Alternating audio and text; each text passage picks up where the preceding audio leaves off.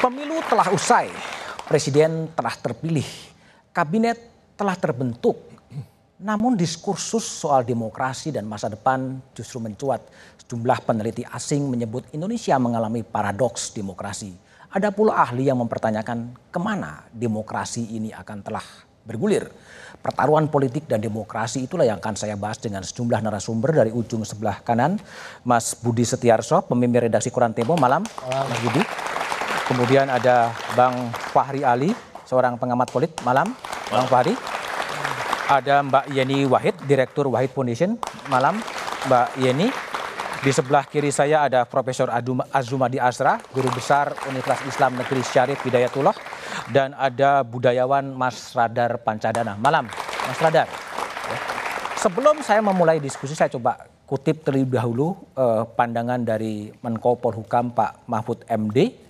Pak Mahfud MD mengatakan bahwa perkembangan demokrasi kita tidak jelek-jelek amat.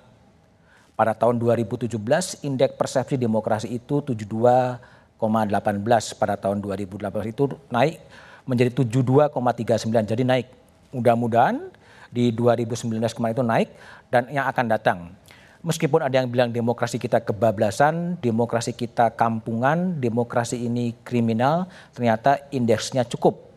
Tidak jelek, meski meski nggak bagus-bagus amat. Nah, kita berharap tahun 2019 bisa naik. Itu adalah uh, pernyataan dari Menko Polhukam Pak Mahfud MD. Saya akan bertanya kepada Prof Azumadi Astra terlebih dulu. Prof, saya membaca tulisan Prof Azumadi Astra di Kompas yang mempertanyakan demokrasi kita ini mau ke mana? Emang mau ke mana demokrasi kita? Ya, memang sih kalau kita lihat baik sebelum maupun sesudah pemilu 2019, pilpres dan pileg itu memang kita harus mengakui demokrasi kita ini tidak sebagaimana yang kita harapkan. Tidak sebagaimana yang kita harapkan. Kita harapkan. Eh, pertama menjelang dan sesudah sesudah pemilu itu itu apa ketegangan-ketegangan kontestasi yang berbau politik identitas itu masih menguat ya kan. Hmm Kemudian pasca pemilu pembentukan kabinet kita melihat gejala di mana kemudian eh, kekuatan pengimbang, kontrol dan pengimbang, check and balance itu juga makin melenyap. Semua masuk ke dalam pemerintahan. Semua masuk dalam kekuasaan. Ya, semua masuk ke dalam kekuasaan. Ya, misalnya tentu saja yang sering menjadi contoh itu adalah uh, Pak Prabowo kan. Hmm. Prabowo menjadi Menteri Pertahanan ya dalam hmm. pemerintahan yang sekarang Nah kalau kita lihat memang uh, sejak uh, presiden uh, dan wakil presiden uh, baru ini Pak Jokowi dan Pak Maruf Amin memang boleh kita bilang kekuatan pengimbang itu senyap. Kekuatan pengimbangnya hilang. Ya, hilang. Siapa yang harusnya memerankan kekuatan? Ya harusnya mereka yang memang harus ada yang berada di luar. Hmm. Kita mengharapkan ya tadinya mungkin ya pak apa ya pendukung kalau di dalam pilpres yang kemarin ya pendukung Prabowo dan uh, Sandiaga Uno seharusnya. Tapi kan yang tersisa itu paling banter sekarang mungkin yang agak konsisten mungkin PKS saya kira mungkin ya. Yang masih ada gitu. Tapi kalau saya kira kalau Gerindra itu akan mengalami kerikuhan. Kerikuan? Riku, riku. Tapi Prof Edi, jadi pertanyaan saya gini. Kenapa sih kemudian Pak Prabowo juga kemudian menerima tawaran Jokowi dan menjadi Menteri Pertahanan? Saya belum bisa memahami itu kenapa gitu ya kenapa apakah ini mungkin juga dalam rangka 2024 dalam rangka 2024 ya udah ancang-ancang sejak ya, 2019 ya, ya karena kalau berada dalam pemerintahan maka ekspos media hmm? itu akan tetap ada tapi hmm. kalau tidak ikut di dalam pemerintahan okay. tidak ikut dalam kabinet mungkin akan menghilang jarang okay. dikutip oleh media jarang jarang lah hmm. ya kan tidak terekspos ke media jadi tentu saja ini nggak menguntungkan untuk uh, persiapan 2024. Oke. Okay. Jadi okay. tapi ya memang seperti yang di kalau dilihat ya penilaian orang luar lah yang mengamati Indonesia memang demokrasi Indonesia ini sekarang menurun. Menurun ya? Disebut sebagai demokrasi yang tidak lagi flawless, yang tidak, tidak lagi tanpa cacat. Oke. Okay. Malah disebut sebagai flow demokrasi. Flow demokrasi. Flow demokrasi itu apa? Yang pertama dia sebut uh, Misalnya saja kemunculan politik identitas. Okay. kemudian uh, meningkatnya intoleransi Oke. uh, itu misalnya. Kemudian ada kasus-kasus pelanggaran HAM yang Yang tidak terselesaikan. Oke, baik. Nah, jadi inilah yang mengakibatkan demokrasi Indonesia itu tidak bisa berjalan dengan sempurna. Ada satu lagi kebebasan berekspresi katanya dan berserikat itu Sedikit terpasung. uh, semakin ter- terpasung. Oke. Uh, mereka menyebut contohnya itu adalah Perpu nomor 2 tahun 2017 yang Ormas, ya? menjadi undang-undang ormas. Oke, baik Prof. Edi. Saya akan pindah ke Mbak Yeni Wahid dulu. Mbak Yeni, banyak peneliti-peneliti asing dan juga peneliti-peneliti Indonesia menyebutkan demokrasi kita tuh berada pada titik nadir ya. Apakah memang demikian dalam observasi Mbak Yeni Wahid? Kalau saya melihat belum sampai Belum, nadir, oke. bahwa memang mengalami kemunduran iya Hmm. yang tadi disebutkan oleh uh, Prof. Azumari Azra tadi disebut Indonesia masuk dalam kategori flawed democracy Hmm. gitu ya. Ini kategori yang dibuat oleh majalah The Economist. Hmm. Uh, namun memang tidak cuma Indonesia yang masuk ke Ya, sana. semuanya juga Bahnya ada. Hmm. demokrasi Amerika pun masuk dalam kategori flawed democracy gitu ya. Nah, uh, sekarang yang terjadi adalah shifting. Shifting dalam dari- artian gini, ada hegemoni dari eh, sebuah kekuasaan. Kalau dulu hegemoni itu dilakukan oleh negara. Hmm? State hegemoninya sangat kuat sekali. Tetapi sekarang ada pergeseran juga. Jadi kalau kita melihat dengan derasnya arus informasi terutama melalui sosial media, maka eh, eh, ada hegemoni yang dilakukan oleh kelompok-kelompok eh, misalnya kelompok intoleran katakanlah ya terhadap gagasan atau apa pun untuk melakukan bullying. Hmm. Nah, eh, jadi kebebasan berpendapat tidak cuma dipasung, ya, tidak cuma dipasung atau tidak cuma menghadapi ancaman dari the state, tetapi ja- juga kelompok-kelompok non-state. Non-state. Non-state Non-state termasuk actor ya. bukan cuma kebebasan eh, berpendapat ya, kebebasan untuk bertindak, kebebasan untuk mengekspresikan diri dalam berbagai macam eh, tindakan kultur misalnya, itu juga menghadapi ancaman dari non-state actors, aktor-aktor non-negara. Nah kita melihat ini semua terjadi di masyarakat kita dan di satu sisi negara juga tampaknya agak bingung menghadapi kelompok-kelompok bingung. non-state ini. Apalagi kalau mereka kemudian menggunakan politik identitas sebagai Hmm. platform mereka dalam melakukan uh, tindakan-tindakan represi. Hmm. Misalnya menggunakan isu agama. Kebingungan negara dalam menghadapi non-state actor ini karena apa? Bukan Negara pu- sebetulnya bukan negara yang bingung, politisi yang sedang memimpin negara. Para Politisi politisi yang sedang memimpin negara. baik di eksekutif maupun legislatif. Oh, Nah, itu kadang jadi lebih yang, memperhatikan yang, yang, yang bingung pemimpinnya gitu atau gimana? Yang bingung adalah para politisinya Para karena politisinya. mereka tidak ingin Bukan pemerintahnya. pemerintah masuk dalam bagian itu. Ya, Oh, masuk dalam bagian- masuk jadi dalam semua bagian kebingungan karena, gitu ya? Karena eh, kehilangan kekuasaan itu kan tidak enak. Kehilangan kekuasaan Ya, enak. Jadi semua engan kemudian- dalam panggung kekuasaan. Panggung kekuasaan enak karena itulah mak- makanya semuanya mau masuk termasuk Pak Prabowo yang eh, tadinya berhadapan-hadapan dengan Pak Jokowi.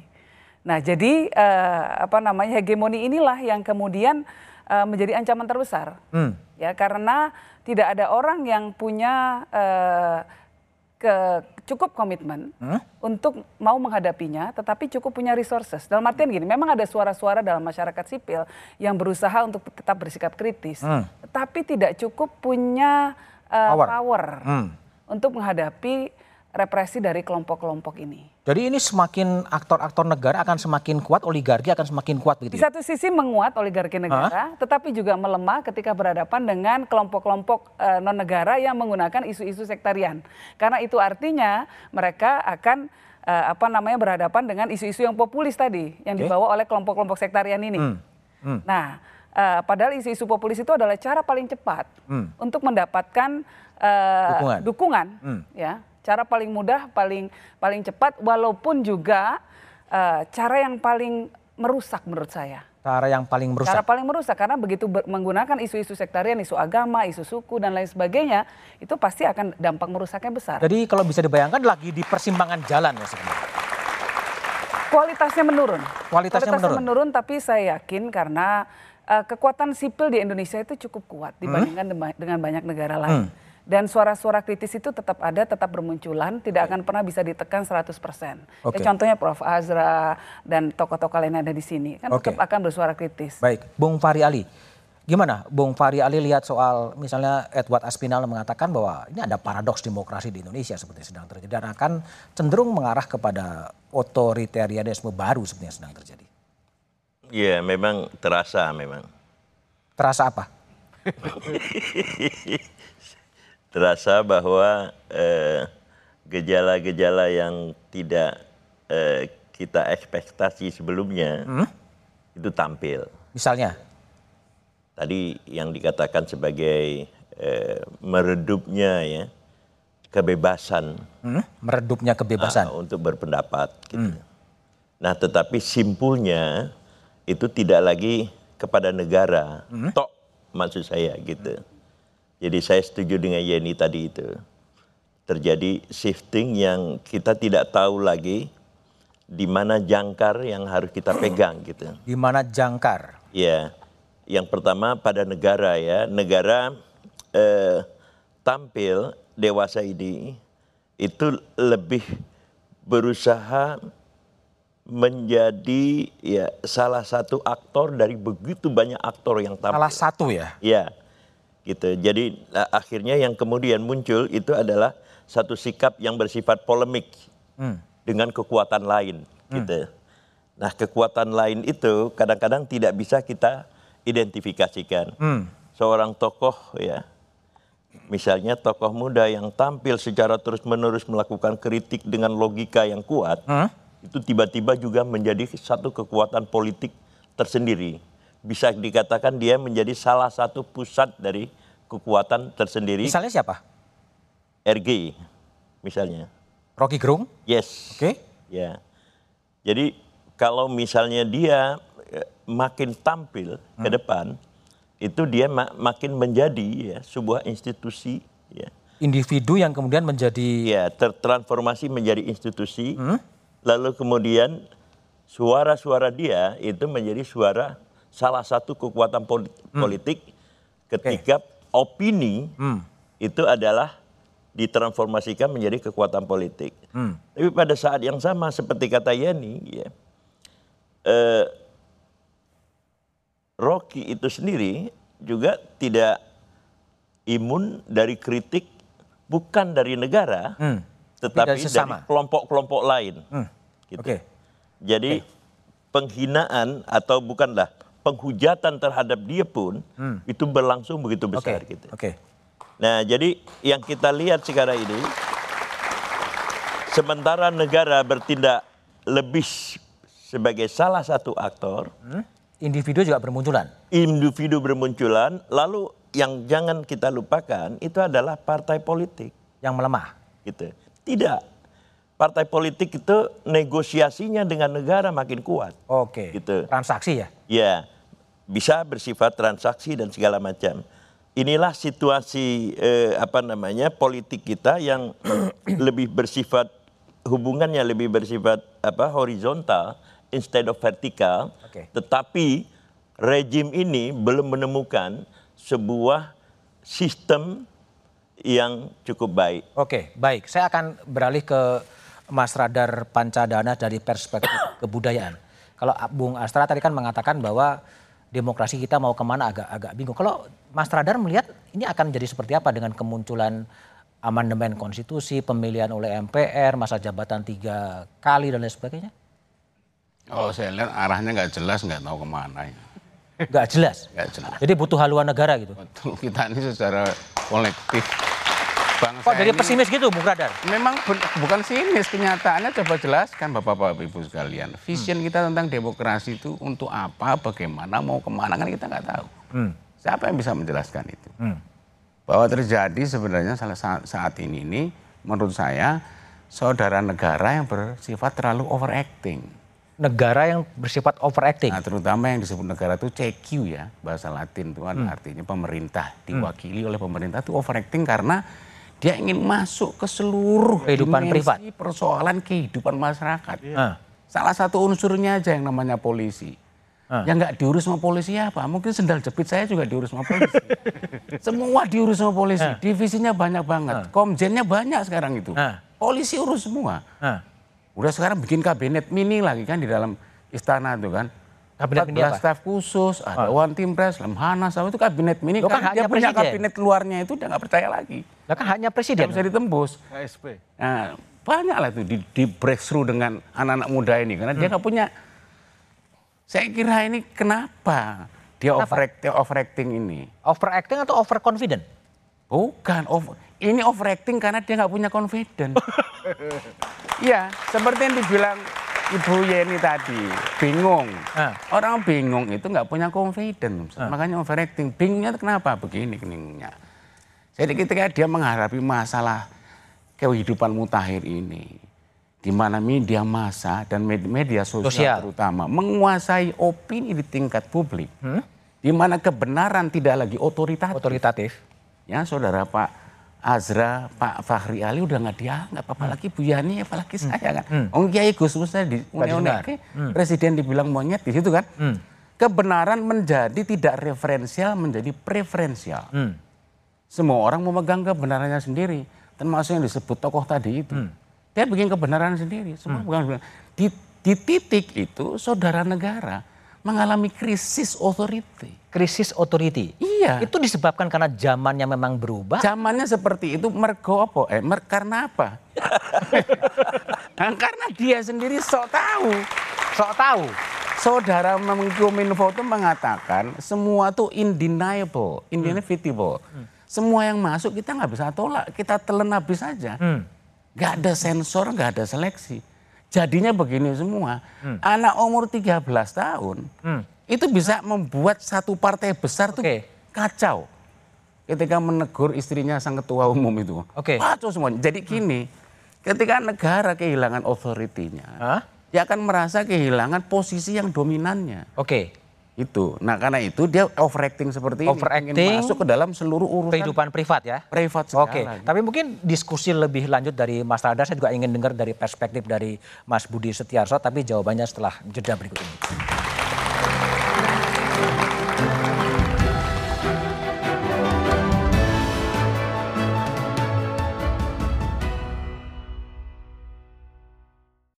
Rom, berbicara soal demokrasi tidak bisa dilepaskan dengan isu asasi manusia. Kita akan coba lihat pernyataan dari Menko Polhukam Pak Mahfud MD soal isu asasi manusia di era pemerintahan Presiden Jokowi.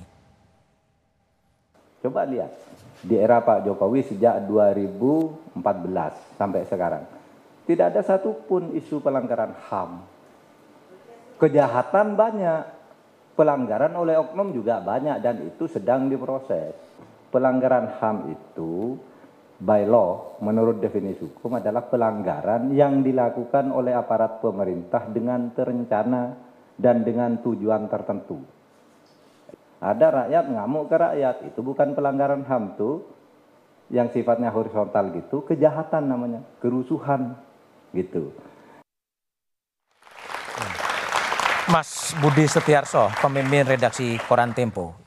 Pak Mahfud mengatakan di era Jokowi nggak ada pelanggaran hak asasi manusia. Anda lihat dari observasi seorang wartawan dan seorang pemimpin redaksi Koran Tempo gimana lihat itu? Oke, saya akan mengutip tabel dari Yayasan Lembaga Bantuan Hukum Indonesia ini. Sepanjang 2019, korban meninggal selama eh, melakukan atau berunjuk rasa itu 51 orang. Eh, mungkin yang paling eh, dramatis adalah ketika dua mahasiswa di Kendari itu ditembak ketika mereka sedang melakukan protes dalam eh, apa perubahan undang-undang KPK yang menurut mereka, menurut publik juga itu kita sedang melemahkan dari lembaga anti korupsi tersebut. Jadi saya kira eh, definisi yang disebutkan oleh Pak Mahfud tadi mungkin yang adalah pelanggaran HAM berat. Tapi kalau kita lihat eh, banyak video yang beredar bagaimana aparat kita memukuli eh, pengunjuk rasa yang tadinya damai, yang kemudian ada provokasi dan kemudian mungkin eh, dikesankan eh, anarkis gitu ya. Tapi kalau kita lihat betapa eh, sikap atau tindakan represif itu betul-betul kelihatan gitu.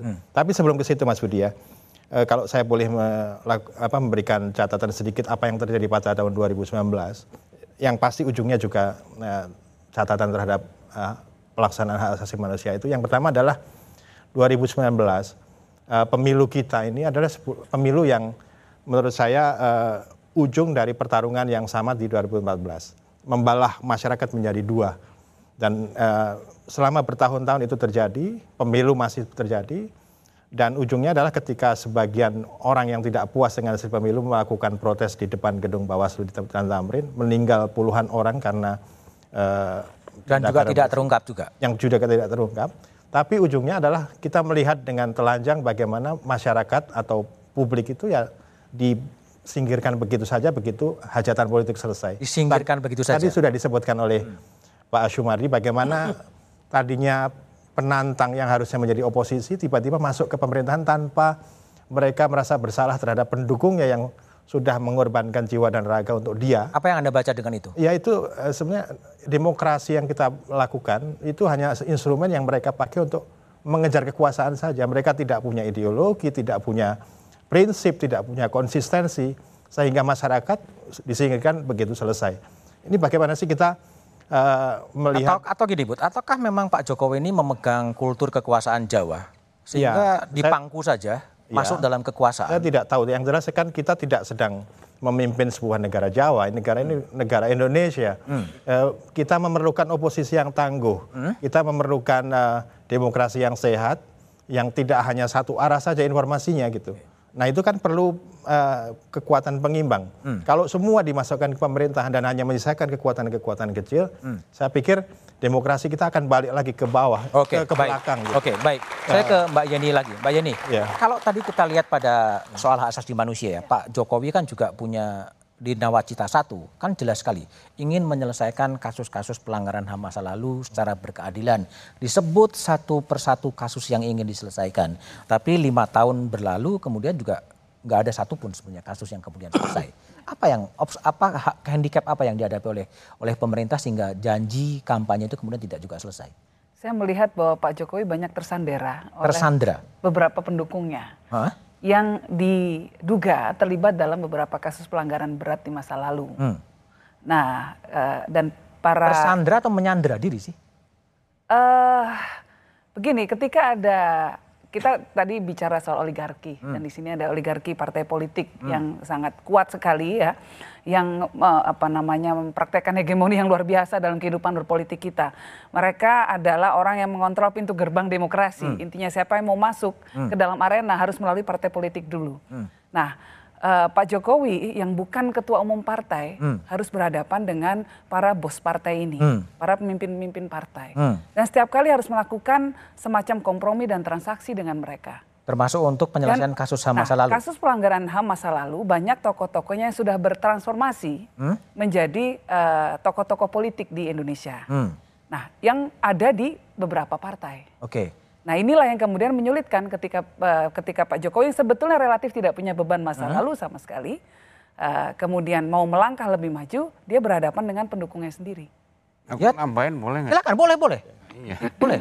Jadi kalau nambahinnya begini, kalau ada orang yang bermimikri atau bermetamorfosa dari bajingan jadi negarawan, hari ini kan banyak tuh pendosa besar sekarang jadi ba- manusia besar gitu kan. Mas, bukan bajing Lah, loncat tapi bajingan ada, loncat. Terus ada pemimpin yang katanya nggak punya dosa masa lalu, lu kok membiarkan itu saja, Hah. tidak mampu mencegahnya. Jadi Saya apa yang terjadi, khawatir- Mas Radar? Saya khawatir kasus-kasus yang dibicarakan hegemoni, oligarki politik, kemajuan ekonomi yang stuck atau 5-0 trap ya. Ah. Saya nyebutnya itu 5-0 trap. Ah. Nggak keluar dari 5,0 itu. Ah. Ini jangan-jangan menggambarkan incapability Incapability dari? presiden. Lo terpilih oleh rakyat loh. Nah, dipilih memang berdasarkan kapabilitas. Hah? Yang bilang rakyat itu memilih orang berdasarkan kapabilitas siapa? Orang kadang-kadang cuma memilih karena gar- garis garis rambutnya tuh miring kanan atau miring kiri. Kalau kembali kepada isu isu janji kampanye yang menyelesaikan kasus HAM kemudian tidak selesai kena gimana penjelasannya? Apa? Gimana?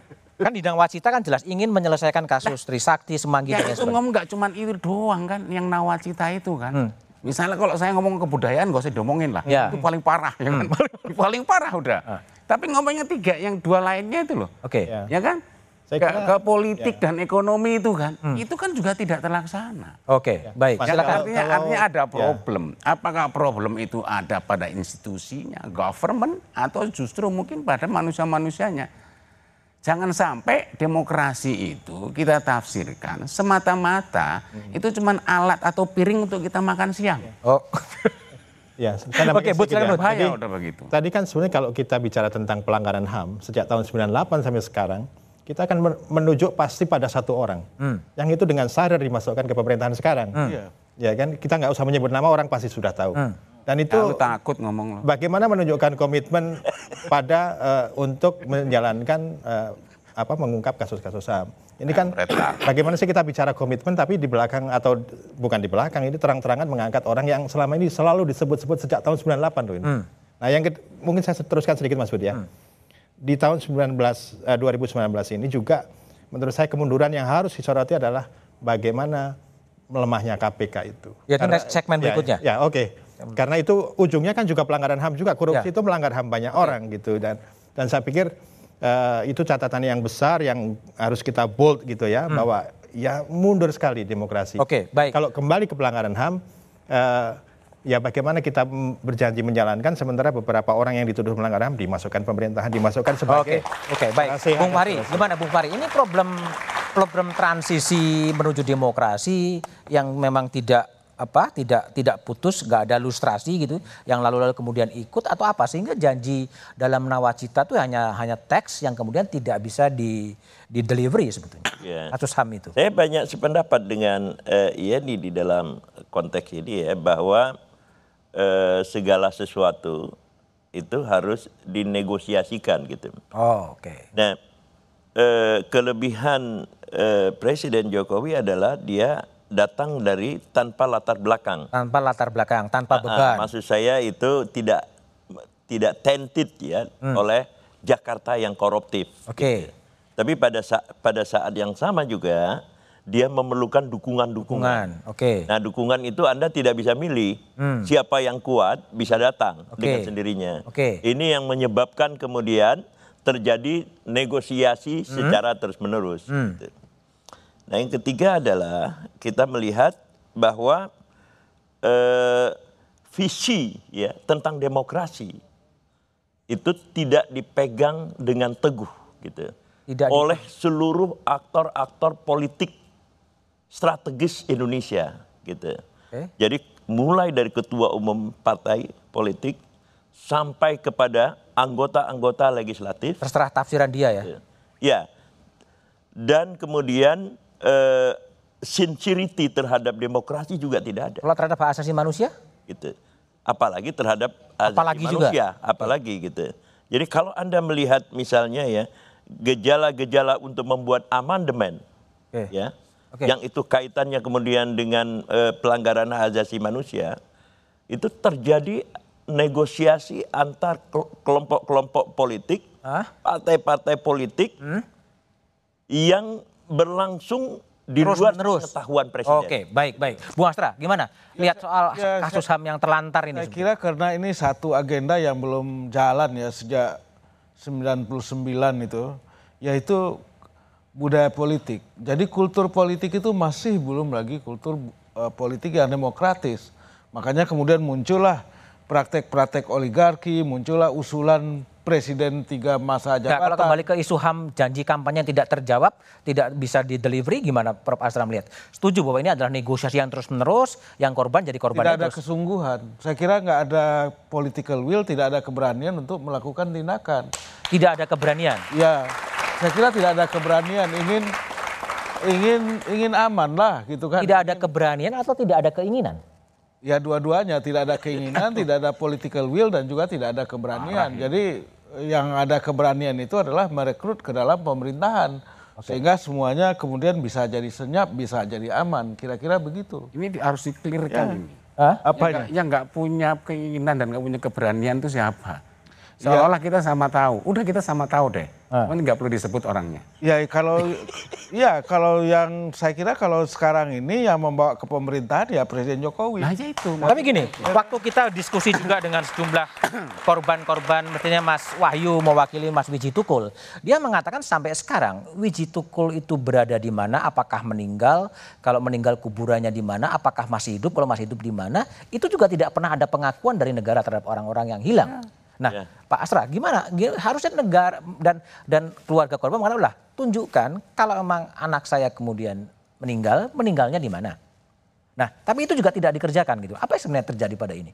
Iya, saya kira eh, ada tarik menarik juga ya di dalam Tarik menarik juga. tarik menarik antara berbagai kekuatan termasuk di dalam hal ini tentu saja kekuatan-kekuatan yang memegang apa katakanlah kendali di dalam penyelidikan-penyelidikan atau eh, apa pengusutan di dalam kasus seperti itu. Seperti yang kita lihat juga misalnya dalam kasus novel Baswedan misalnya. Tidak terungkap juga. tidak terungkap juga. Hampir tiga tahun. karena ada tarik menarik di dalam internal eh, lembaga ataupun orang-orang yang sebetulnya bertanggung jawab dan bertanggung jawab untuk melakukan penelitian penyelidikan. Tapi itu mungkin tidak dilakukan. Atau dilakukan tapi kemudian tidak di- tidak dijelaskan hasilnya karena mungkin dianggap terlalu riskan untuk Oke. dikemukakan ke depan publik gitu kira-kira begitu. Apakah kemudian di periode kedua ini apa eh, Pak Jokowi akan bisa menyelesaikan kasus utang sejarah masa lalu soal pelanggaran HAM masa lalu itu?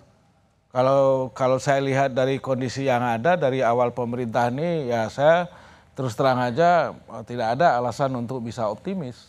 Tidak optimis. Ya tidak ada alasan yang cukup untuk bisa optimis. Kenapa kok bisa menjadi pesimis gitu Prof. Asra? Ya tidak ada tanda-tanda, tidak ada gejala, tidak ada gelagat yang bisa mengarah ke sana. Saya jelaskan gimana? Hah? Saya Nggak, jelaskan. Coba gimana kemunculan milenial milenial menjadi staf khusus. hari ini ya. Gimana? Maaf ya. Jadi, jadi sebenarnya yang saudara presiden ini itu pernah ada komentar begini. Saya diajak makan siang di kantor salah satu menteri. Dia bilang, Pak Radar, apa di sini bahasa Jawa nih, pentino ki baratayuda. Hmm. Setiap hari itu baratayuda. Problemnya apa? Problemnya saudara presiden nggak mau dibantu. Nggak mau dibantu. Ya maunya ma- apa Yang namanya? lama atau yang baru? Apa? Maksudnya Periode pertama? Periode yang sebelumnya. Oke. Sebelumnya. Sudah diganti atau Eh, Artinya Baratayuda yang setiap hari itu wah sekeliling istana itu begitu. Ini hanya untuk menggambarkan apa yang dilukiskan Mbak Yeni sama Pak Fahri Ali itu kelumrahan di dalam kekuasaan. Yang disebut Baratayuda itu kita sebut sebagai negosiasi. Negosiasi, Ya kan, ya, yang transaksi. tekenan begini-gini kan. Tapi kalau Yudhistira dalam Baratayuda banyak bantuannya. Ada Bima, ada macam-macam. Ini main sendiri. Bukan karena dia tidak percaya pada orang lain. Dia pengen orang lain itu kerja bener aja belut bidangnya masing-masing. Oke. Tapi intinya pekerjaan besar yang sedang dia lakukan ini adalah menurut saya ya dia tidak mampu mengatasi dua kultur yang masih menguasai hidupan politik kita itu. Hmm. Kultur Orde Lama, Orde Lama. Parnois, dan Hah? kultur Orde Baru, Ah. Soehartois. Dan itu sedang Semua itu masih begitu. itu. Dan dia mencoba menghancurkan itu, menciptakan satu kultur baru. Belum mampu. Belum mampu. Tapi apakah Barantayuda itu juga nanti akan berpengaruh kepada apa yang disebut oleh publik sebagai pelemahan KPK? Jawabannya setelah jeda berikut ini.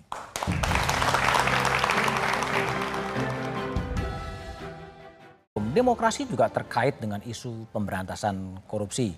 Undang-undang KPK yang belasan tahun dipertahankan kemudian juga jebol dan direvisi. Kita coba lihat bagaimana sebetulnya pernyataan dari Presiden Jokowi soal perkembangan terakhir soal KPK dan Dewan Pengawas. Kita coba dengar pernyataan Pak Jokowi di Balikpapan.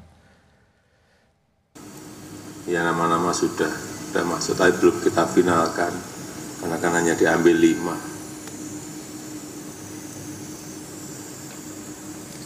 Ada dari hakim, ada dari jaksa, ada dari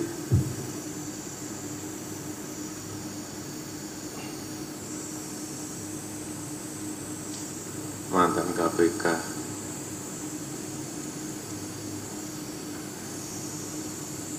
ada dari ekonom,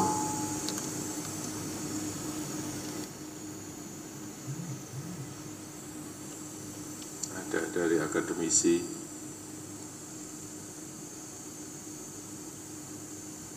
ada dari ahli pidana, ya kira-kira itu. makin berkerut pak lama-lama.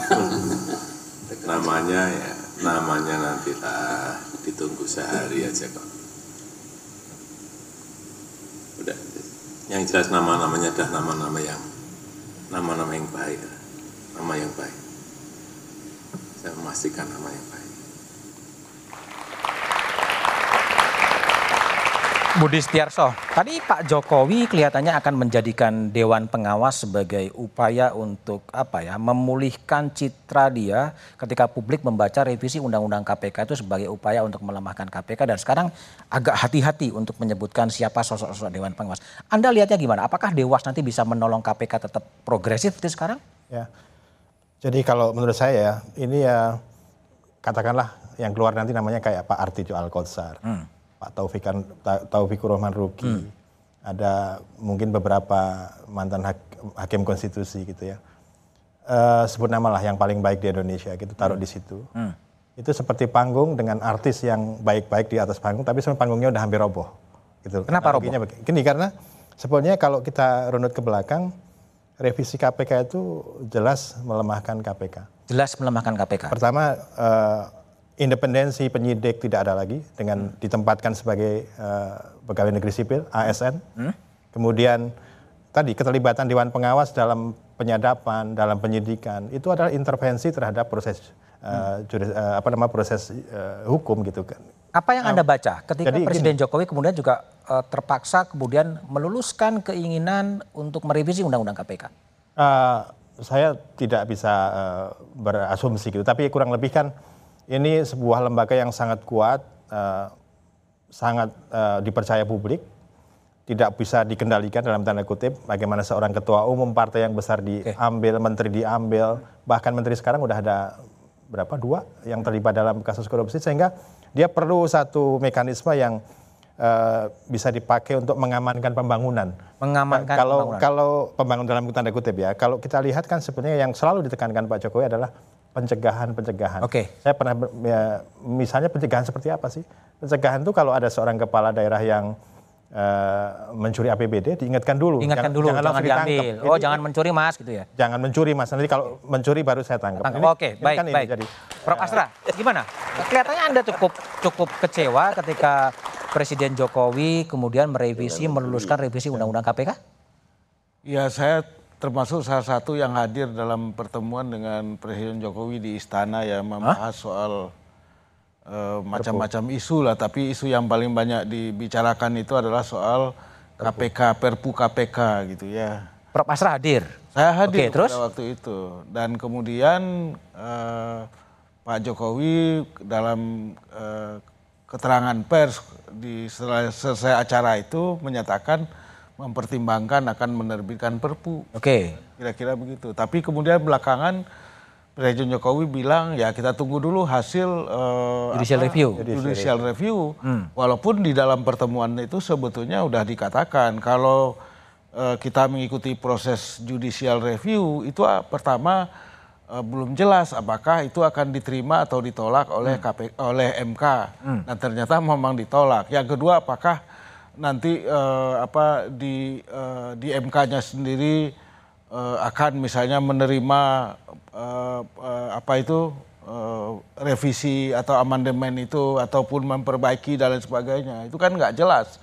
Oleh karena itulah maka di dalam pertemuan itu dikatakan ya Mempertimbangkan. idealnya itu ya kita presiden harus menerbitkan Perpu kira-kira begitu.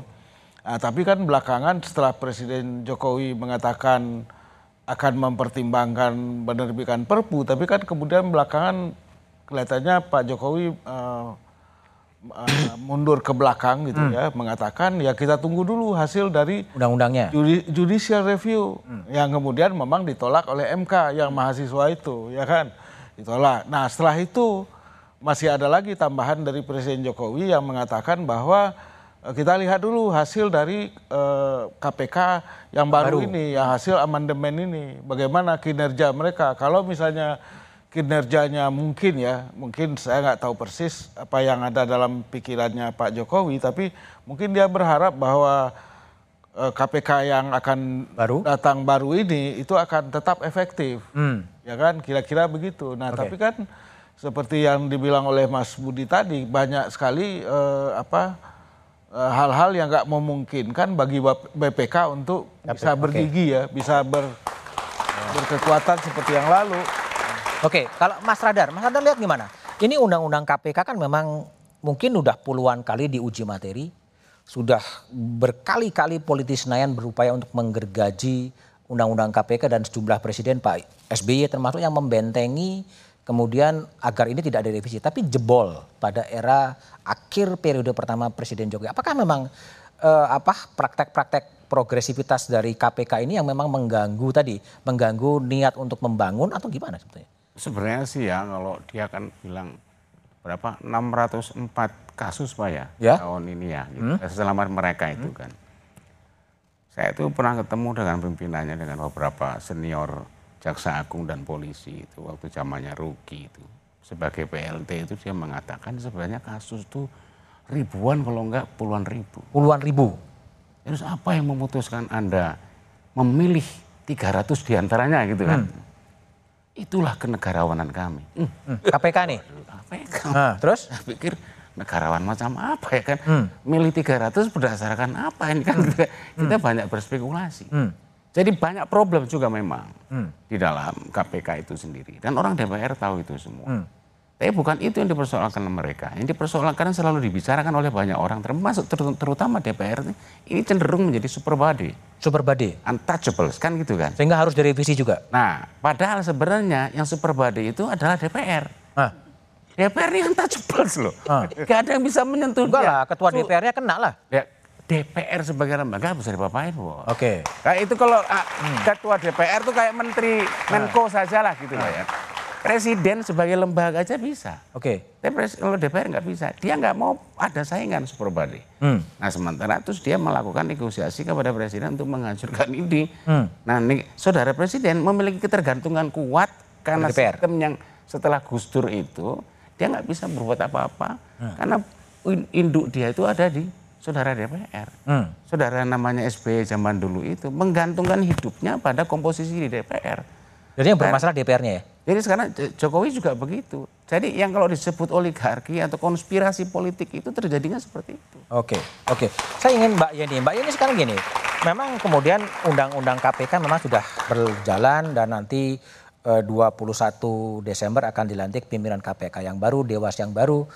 Eh, apa yang Anda harapkan dengan kemunculan lembaga Dewas yang baru tetap bisa tidak meredam lah progresivitas dari KPK untuk memberantas korupsi itu sendiri? Ya kalau ada anggapan bahwa KPK itu super body dan dianggap di- untouchable. eh, memang KPK sendiri sebagai sebuah lembaga tidak sempurna. Hmm. Tetapi di antara lembaga-lembaga yang lainnya, kita melihat bahwa KPK lah yang masih eh, tetap komit untuk melakukan penegakan eh, penegakan hukum dalam hal korupsi, ya pemberantasan korupsi. Kita melihat bahwa KPK eh, adalah lembaga yang tidak terlihat eh, secara kasat mata memilah-milah kasus mana yang akan diambil. Semua bisa kena. Nah orang Indonesia itu ditakut-takuti aja masih nyolong, apalagi cuma diingetin. kan kira-kira begitu. ya kan? Jadi Harus ada yang tetap ditakuti. Tetap ditakuti. Kalau enggak, ya semau-maunya sendiri. Sekarang nah, dengan sekarang muncul ini Dewas taringnya dicopot. Ya tadi yang dikatakan eh, Mas Budi, ini ini seolah-olah kita masih ada harimau di sana, tetapi taringnya dicopot, kukunya dicopot, dia hanya bisa mengaum, Hmm. tapi tidak bisa melakukan tindakan apa pun. Dan nanti dengan dengan dengan KPK yang baru juga sebetulnya kalaupun nyokot ya hanya geli-geli gitu ya. Hanya bikin geringgingan nanti. Aja geringan ya. tapi ya, kan- tapi saya gini, tapi bagaimanapun ya, saya rasa saya tetap berharap banyak pada pimpinan KPK yang baru. Ya kita jangan juga kemudian uh, pesimistis dan ber- berpikir bahwa mereka adalah orang-orang yang bisa dipengaruhi, dipengaruhi oleh kekuatan politik mana pun bisa ditekan-tekan. Saya tetap berharap Oke. bahwa orang-orang uh, yang menjadi pimpinan KPK itu tetap akan melaksanakan amanah dari publik, Oke. yaitu untuk memberantas korupsi agar bisa terbebas dari korupsi. Ah, Indonesia ini punya dua julukan baru. Yang pertama Cahyo Kumolo menjelang menjadi mundur jadi Mendagri mengatakan bahwa kita mendapatkan rekor di Guinness Book of Record untuk produk regulasinya. ya banyak ya. Kita dikepung 48 undang-undang atau perda. 48 ribu. Ya, terus? Nah, ya Lauli nyuruh kita ngapalin satu undang-undang aja repot. Repot. 48 ribu itu Ah. ngurusin sampai kumis kita diurus. Ya. Oke. Yang kedua, reputasi kita itu adalah negeri produsen terbesar harapan. Harapan. Jadi selalu kita berharap. ya. Berharap ada omnibus law. Padahal gitu. jelas realitasnya, faktanya, rekam jejaknya, recordnya tidak memberikan harapan. Kita tetap berharap. Ah, Sudah jelas kita sudah ngomong pelemahan KPK tuh gini-gini. Kalau saya ngomong ini hasil konspirasi politik. Yang mau diharapkan apa? ah.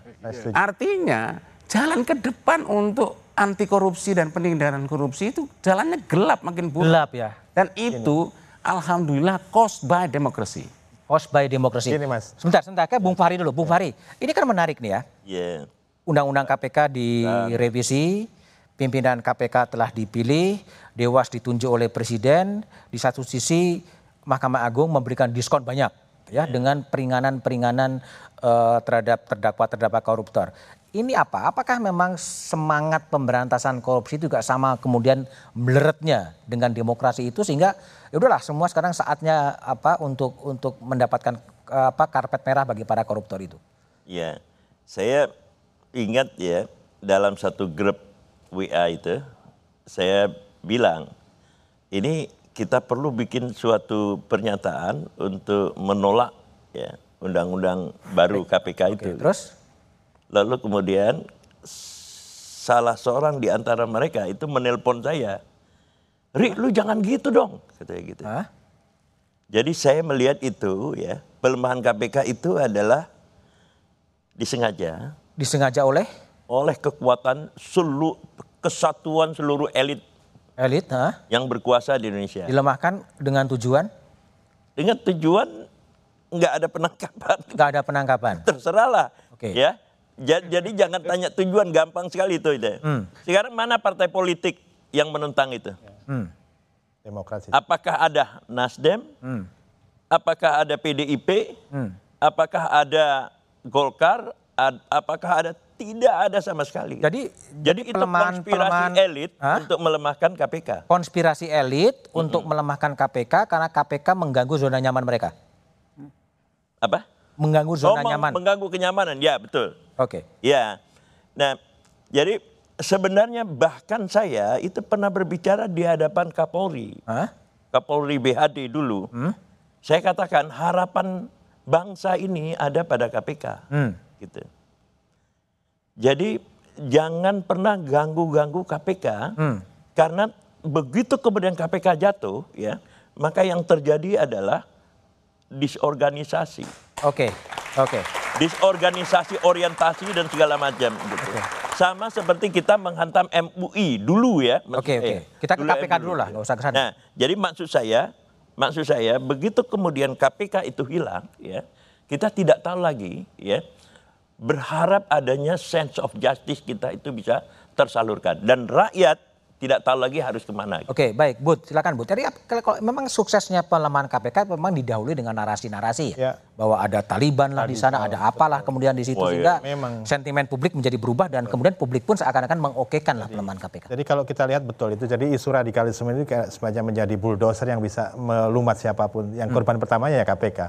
Diawali dengan narasi di sosial media, di media bahwa ini ada kekuatan radikal di dalam tubuh KPK. Saya pikir dia orang-orang yang menuju pada salah satu penyidik terbaik di KPK yaitu Novel Baswedan. Saya pikir tujuannya ke situ terus karena memang eh, dia yang simbol dari kekuatan di dalam sehingga dia diteror dan seterusnya. Dan saya kira isu itu berhasil eh, me- mempengaruhi banyak orang, terutama karena dipengaruhi oleh politik ya. Ini kan pendukung ini pasti mendukung eh, revisi dan segala macam. Tapi kalau kita lihat, ya ini memang kekuatan yang bersama-sama. Ini kan DPR tadinya eh, berinisiatif, kemudian tadinya bisa dicegah kalau pemerintah tidak memberikan eh, surat eh, amanat Surprise. apa, apa am- am- Surat ya, presiden. jadi amanat presiden untuk penunjukan menteri. Tapi yang terjadi kan eh, siangnya Pak Presiden mengatakan oke kita pikirkan dulu, tapi sorenya dikirimkan suratnya. Oke. Ini memang kekuatan dua-duanya yang tid- Jadi dua-duanya memang berkeinginan ya, berkeinginan untuk melemahkan melemahkan Nah, KPK. kalau kita lihat tadi sekali lagi DPR berapa yang sudah ditangkap, ketua umum partai sudah yang ditangkap berapa, menteri sudah ditangkap berapa, dan itu eh, kalau tadi Mas Budi istilahnya eh, mengganggu zona nyaman, tapi kalau saya menurut saya jauh lebih dari itu, karena banyak proyek-proyek yang berhubungan dengan politik tidak boleh diganggu, Oke. tidak boleh eh, nanti ada yang ditangkap, dan itu saya pikir ini adalah satu kemunduran terbesar dalam secara reformasi kita. Gitu. Baik. Satu hal yang memang perlu dipercakapkan dalam diskursus demokrasi adalah di mana sebenarnya kekuatan masyarakat sipil. Ada aktivis, ada cendikiawan di era demokrasi yang mungkin mulai dikepung dengan oligarki, tapi jawabannya setelah jeda berikut ini.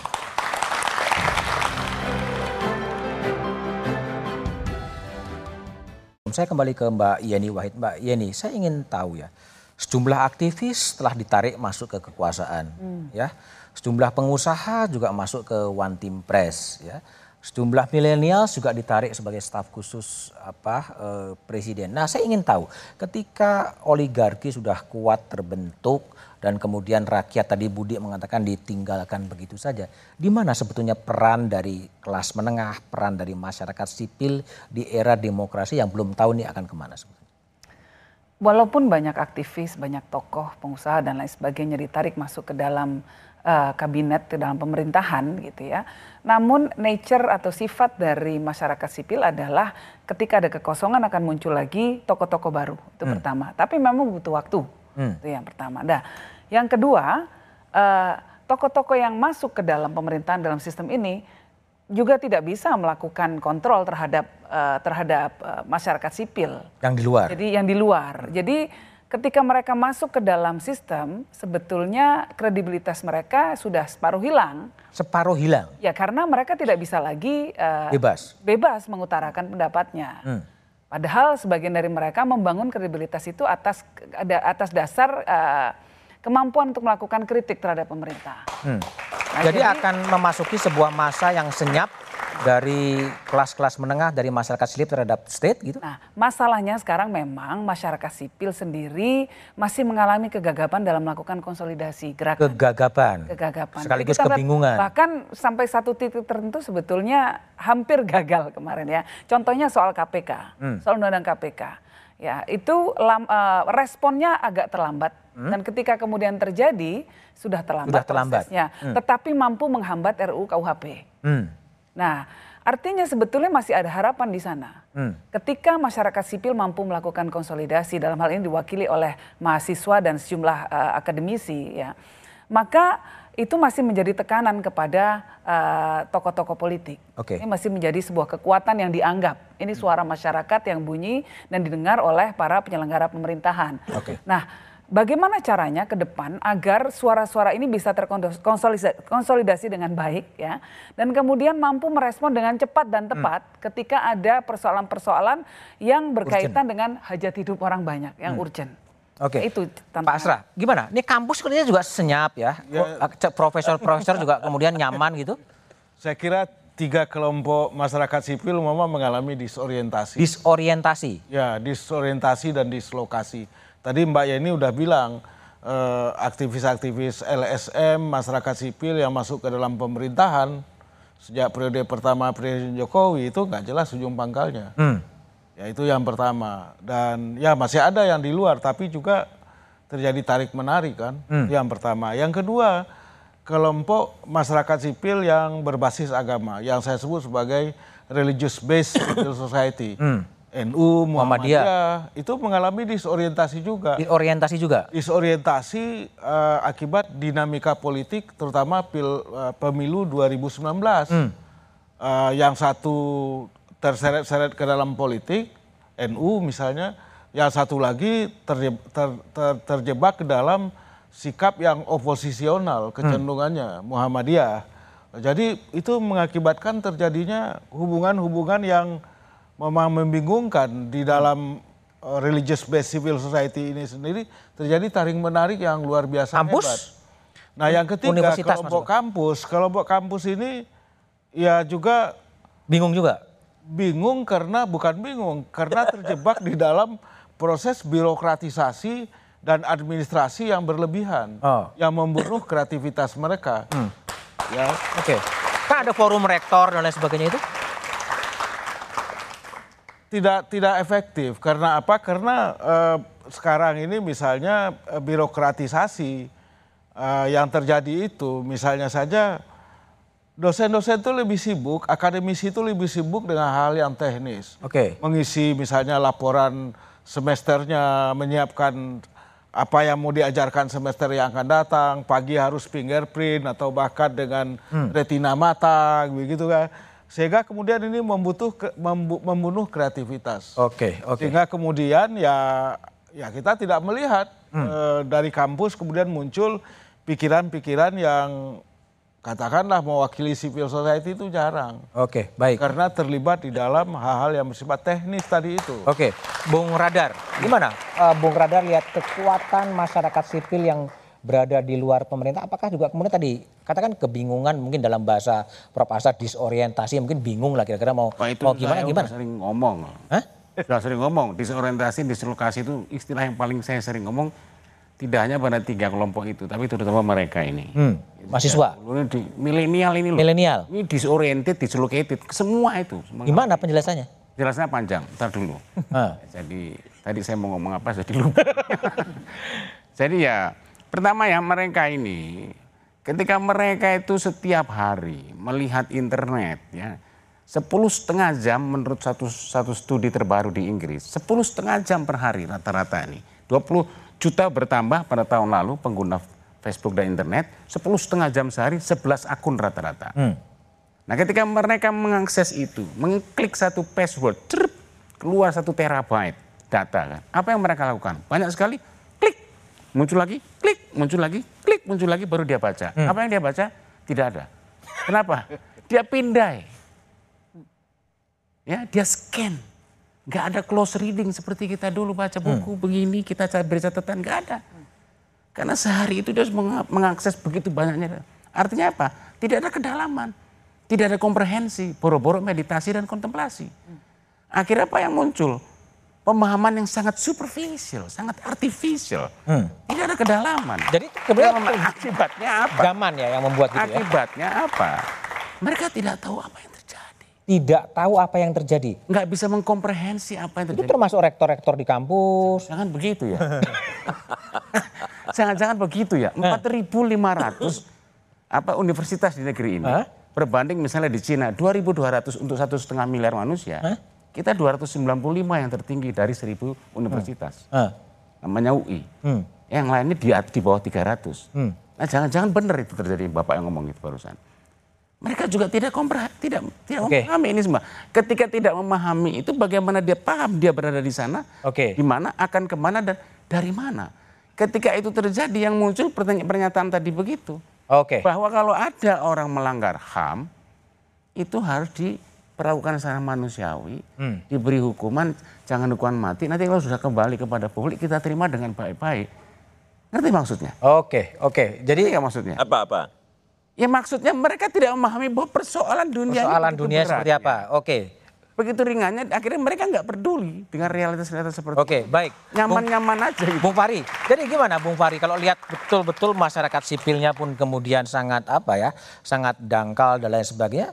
Tapi apa betul sih kemudian masyarakat sipil kemudian tidak terpanggil juga ketika kemudian eh, terjadi policy-policy yang kemudian merugikan masyarakat banyak kalau seperti itu. Ya, kalau saya melihat eh, gerakan eh, civil society yang terakhir dan eh, bersifat historis itu adalah ketika mereka menolak undang-undang KPK.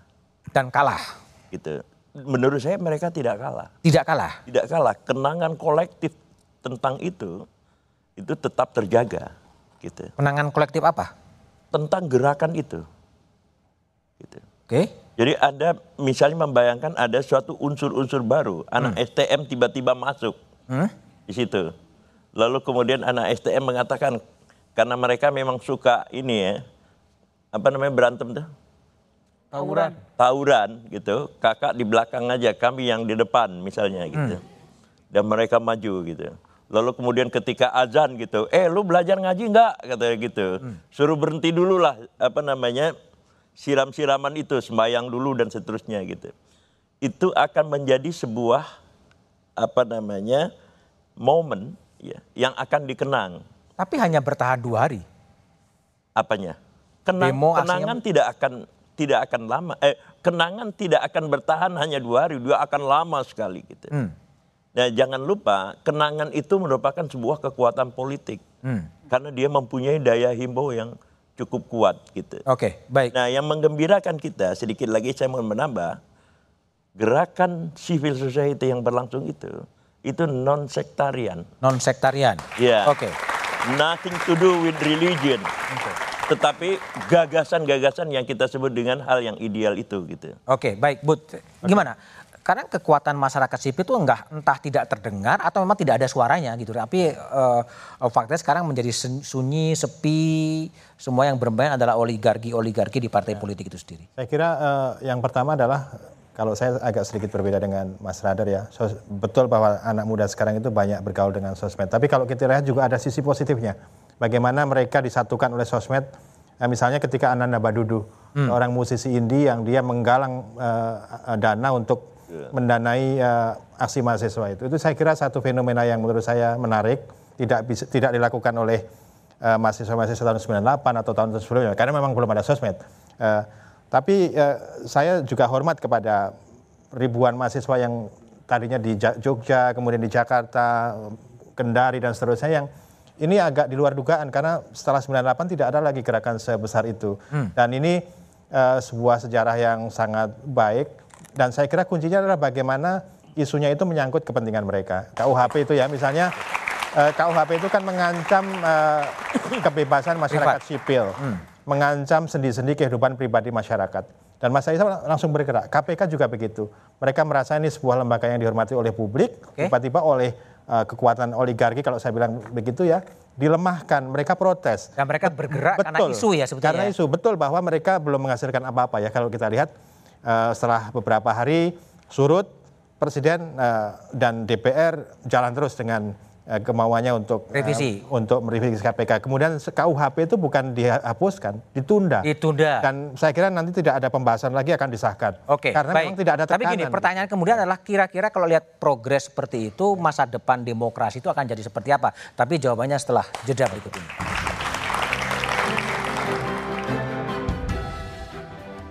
Saya ke Mas Radar Pancadana. Mas Radar, kalau melihat tren sejak 2019 seperti sekarang, outlook Anda soal masa depan demokrasi, 2019 sampai sekarang. ya 2019, 2020 akan jadi seperti apa? Oh. Ketika saya membaca pertama kali majalah Time menampilkan seorang calon presiden bernama Joko Widodo dengan foto yang sangat bagus, dengan tajuk yang membuat saya marah dan malu besar, dan sejak itu saya tidak mau menggunakan kata itu, yaitu namanya a new hope, New Hope. ya kan? Dan a new hope itu memang diberikan oleh saudara presiden yang baru terpilih itu. Sampai terpilih 2019 dia bikin new hope lagi. Kenapa yang terjadi? 2014 tidak mampu merealisir semua hope-nya itu. Adalah infrastruktur Ada kan ada. dibandingkan dengan yang belum terrealisir kita harus jujur saja. Lebih banyak yang tidak terrealisir. 2019 dia bikin hope lagi yang buat saya di apa ser, berapa tuh? 100 312 juta rupiah per kapita setahun. Ya kan 78 juta per bulan atau kira-kira 18 ribu dolar per kapita kita sama sama Korea tahun 45. 7 triliun dolar menurut Pricewaterhouse juga diamini oleh saudara presiden dan pembantu-pembantunya. 75 tahun kita 1 triliun dolar, 25 tahun lagi kita menjadi 7 triliun dolar. 700 persen sebenarnya kita stuck di 5,0.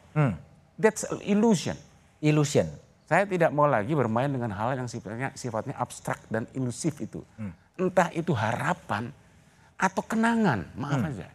Oke. Sudah banyak memori kolektif kita yang menyesatkan tentang Sriwijaya, tentang Kertanegara, tentang Wali Songo, tentang apa. Itu semua menyesatkan.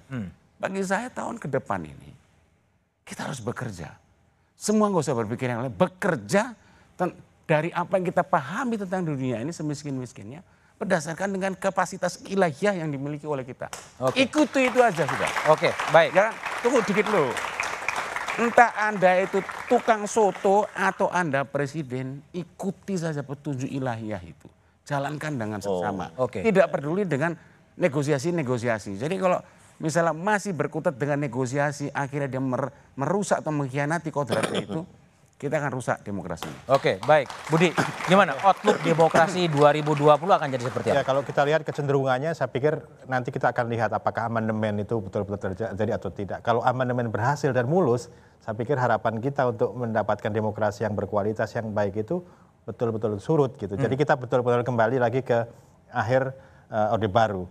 Nah saya sebenarnya ingin eh, lebih banyak berharap. Yang pertama adalah eh, kepada kelompok-kelompok sipil eh, yang masih bisa objektif. Mereka eh, harus selalu berpikir secara kritis, tidak untuk menjatuhkan atau eh, apa mendukung seseorang, tapi ini adalah eh, kontribusi mereka untuk kebaikan negeri kita. Oke. Jadi bagaimana kelompok-kelompok sipil, mahasiswa, eh, NGO, dan terutama adalah media tempat saya bekerja, termasuk Mas Budi juga, bagaimana eh, kita bekerja secara objektif. Jadi kalau memang ada sesuatu yang tidak benar dilakukan pemerintah atau DPR, ya kita harus ingatkan, tidak untuk tadi sekali lagi menjatuhkan. Yang kedua adalah eh, ya ini harapan yang agak eh, mustahil gitu ya bagaimana DPR kemudian DPD yang sekarang juga banyak dikuasai oleh oligarki ya, pemerintah dan kekuatan itu ya sama-sama ingatkan lagi lah bahwa mereka itu eh, akan dicatat dalam sejarah apakah nanti itu sebagai uh, yang memundurkan negara atau yang memajukan negara. Oke. Kalau, kalau itu mereka ingat, saya pikir mereka Lebih baik. berkontribusi yang lebih baik. Prof. itu Asra, saya lebih banyak gimana berharap. Anda eh, lihat outlook di 2020 nanti demokrasi? Ya sebetulnya kalau sejauh ini sih saya terus terang aja masih belum punya alasan yang kuat untuk bisa optimis ya. Aduh. Tapi optimisme itu masih ada terutama ke media lah ya. Ada Kompas, ada Koran Tempo ya kan di sini ini yang masih masih berani lah, masih suka lah menyorot secara kritis gitu. Jadi ini harapan kita. Pada Jadi, media? Pada media, media eh, terutama ya. Kalau saya kan baca itu tiap pagi itu ya saya baca Kompas, baca Koran Tempo. Itu memang suka-suka kayak kalau Tempo, kalau Koran Tempo kan memang suka kritikal ya, kritis gitu ya. Kalau Halo. Koran Kompas itu laporan-laporan dalam dengan apa yang investigatif begitulah yang menjadi ciri khasnya sekarang ini. Jadi kita ki- saya terus terang aja berharap sama media. Kalau yang lain jadi media inilah yang mengingatkan, membangkitkan semangat untuk misalnya masyarakat sipil. Oke. Mengingatkan mengenai kaum cendikiawan, ta- tanggung jawab mereka, kampus, kemudian juga LSM advokasi. Saya kira itu. Baik. Bang Fahri, gimana Anda lihat outlook 2020? Mungkin mungkin ini ya, em, saya tadinya mau menjawab seperti yang dikatakan oleh Profesor Azumardi Azra, tetapi saya ingat satu tulisan saya di Kompas. pendek aja ya. Ah, ah, satu tulisan saya di Kompas itu tentang eh, KPK dan partai politik, tiba-tiba seorang eh, pemimpin muda dari sebuah partai politik mengatakan saya akan mengikuti apa yang ditulis di dalam tulisan itu. Gitu. Jadi maksud saya mungkin elemen-elemen tengah dari partai politik partai politik itu juga harus kita lihat Oke. sebagai salah satu harapan gitu. Oke. Nah, tapi kalau melihat partainya ya sama saja. Gitu. Oke, baik. Mbak Yeni, gimana? Mbak Yeni punya Ya, ada catatan beberapa, terutama berkaitan dengan real politik. Eh, ada agenda pemerintah yang masih menunggu. Salah Hmm. satunya adalah soal pemindahan ibu kota. pemindahan ibu kota. Jadi ketika undang-undangnya belum berubah, artinya pemerintah masih akan tersandera oleh oleh partai politik. Hmm. Jadi kita akan masih melihat negosiasi kepentingan-kepentingan akan terjadi dalam eh, beberapa tahun ke depan. Itu yang pertama. Lalu kedua, pelambatan ekonomi dunia juga akan berdampak kepada pertumbuhan ekonomi Indonesia. Lalu disrupsi teknologi juga akan mem- membuat hilangnya beberapa pekerjaan. Akan timbul kegelisahan-kegelisahan dan kegelisahan-kegelisahan ini bisa muncul dalam bentuk menguatnya politik identitas. Oke. Ini harus di manage. Ini harus dikelola dengan baik dan saya berharap pemerintah punya visi dan juga punya eh, apa namanya gerakan yang terorkestrasi untuk menghadapi kegelisahan-kegelisahan ini sehingga tidak menimbulkan chaos atau eh, eh, apa namanya ya kekacauan masyarakat. Masih cukup optimis ya? Harus optimis. Harus Saya optimis. dasarnya memang orangnya optimis. Jadi Oke, baik Mbak Yeni, Bang Fahri, Budi, Mas Asra dan Mas Radar. Sinyal pelemahan demokrasi mulai tampak. Demokrasi mulai mengancam kebebasan sipil. Kontrol oligarki makin menguat. Isu korupsi terpinggirkan, isu asasi manusia makin jauh dari perdebatan publik. Sebaliknya karpet merah untuk investasi disiapkan dengan undang-undang sapu jagat. Ketika demokrasi terancam, kebangkitan kekuatan tengah menjadi keniscayaan. Kekuatan tengah dibutuhkan untuk bisa mengawal prinsip-prinsip demokrasi. Demikian satu meja The Forum malam ini. Sampai jumpa pekan depan. Selamat malam dan terima kasih.